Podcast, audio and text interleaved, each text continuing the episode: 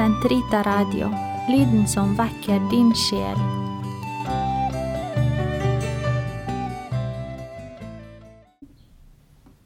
Den katolske kirkes katekisme, uke 21, søndag, paragraf 2709 til 2719.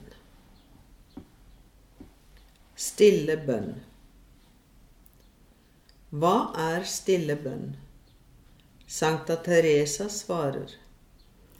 Stille indre bønn er etter min mening ikke noe annet enn fortrolig, vennskapelig omgang hvor man på tomannshånd samtaler med den Gud man vet seg elsket av. Stille bønn søker den som min sjel elsker. Høysangen 1.7. Dette er Jesus, og i ham Faderen. Han søkes, for å lengte etter ham er alltid kjærlighetens begynnelse.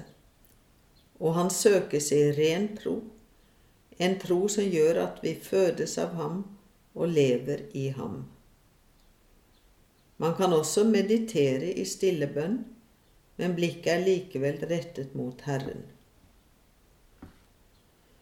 Å velge tidspunkt og varighet for stille bønn er avhengig av hvor fast man er i sin beslutning om å be. Valget er avslørende for hjertets hemmeligheter. Man samler seg ikke i stille bønn bare når man har tid til overs, man tar seg tid til å være til for Herren, fast besluttet på ikke å frata ham tid underveis, uansett hvilke prøvelser og hvilken tørke møtet kan by på. Det er ikke alltid mulig å meditere, men det er alltid mulig å samle seg i stille bønn, uansett helsetilstand, arbeidsforhold og følelsesliv. Hjertet er stedet for søken og møte, i fattigdom og i tro. Å gå inn i stille bønn er som å gå inn i den eukaristiske liturgi. Å samle hjertet, la hele vårt jeg samles, drevet av Den hellige ånd, og bo i den Herrens bolig som vi er, vekke troen for å gå inn til hans nærvær som venter på oss. La maskene falle og vende vårt hjerte om til Herren som har oss kjær, slik at vi kan overgi oss til Ham som en offergave som skal renses og forvandles. Stille bønn er Guds barnets bønn, bønnen fra den tilgitte synder, som går med på å ta imot den kjærlighet han elskes med, og som vil besvare den ved å elske enda mer igjen. Men han vet godt at hans gjenkjærlighet er den som Ånden utgyter i hans hjerte, for alt er nåde fra Gud. Stille bønn er å gi seg over, ydmyk og fattig, til Faderens kjærlighetsfulle vilje, vilje i stadig inderligere forening med Hans elskede Sønn. Slik er stille bønn det aller enkleste uttrykk for bønnens mysterium. Stille bønn er en gave, en nåde. Den kan kun tas imot i ydmykhet og fattigdom. Stille bønn er et paktforhold Gud slutter i vårt dypeste jeg. Stille bønn er fellesskap.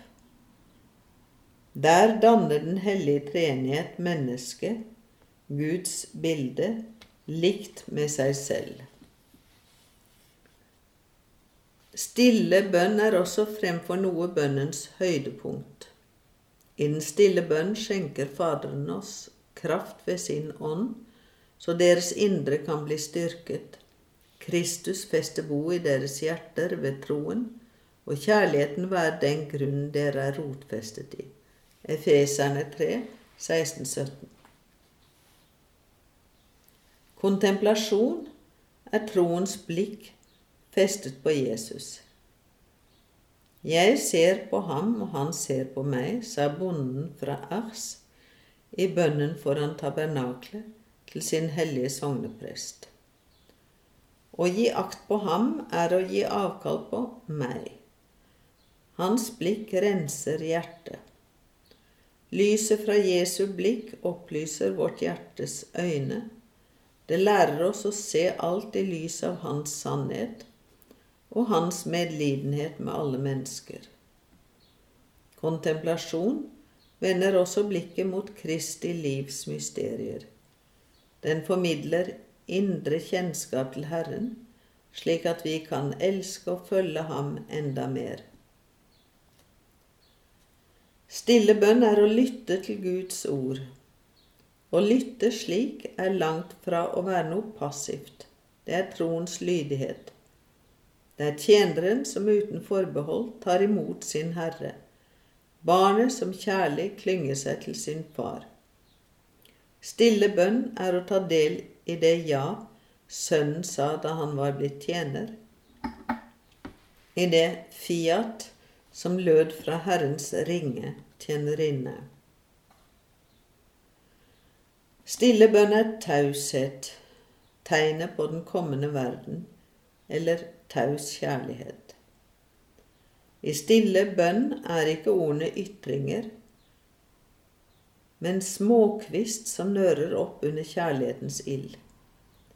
I slik taushet som det ytre mennesket ikke kan tåle, sier Faderen oss sitt kjødblevne, lidende dødende, døde og oppstandende ord, og barnekårets ånd gir oss å ta del i Jesu bønn.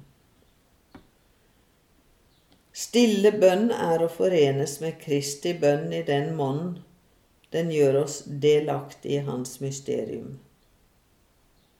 Kristi mysterium feires av Kirken i Eukaristien, og Den hellige ånd gjør det levende i den stille bønn, slik at det kan synliggjøres ved kjærlighet i gjerning. Stille bønn er kjærlighetsfellesskap som bærer i seg liv for de mange, i den mån den finner seg i og forbli i troens natt. Oppstandelsens påskenatt går gjennom angstens og gravens netter. Dette er de tre intense øyeblikk i Jesu time som Hans ånd, og ikke kjødet som er skrøpelig, lar oss gjennomleve i den stille bønn. Vi må gå med på å våke en time med ham.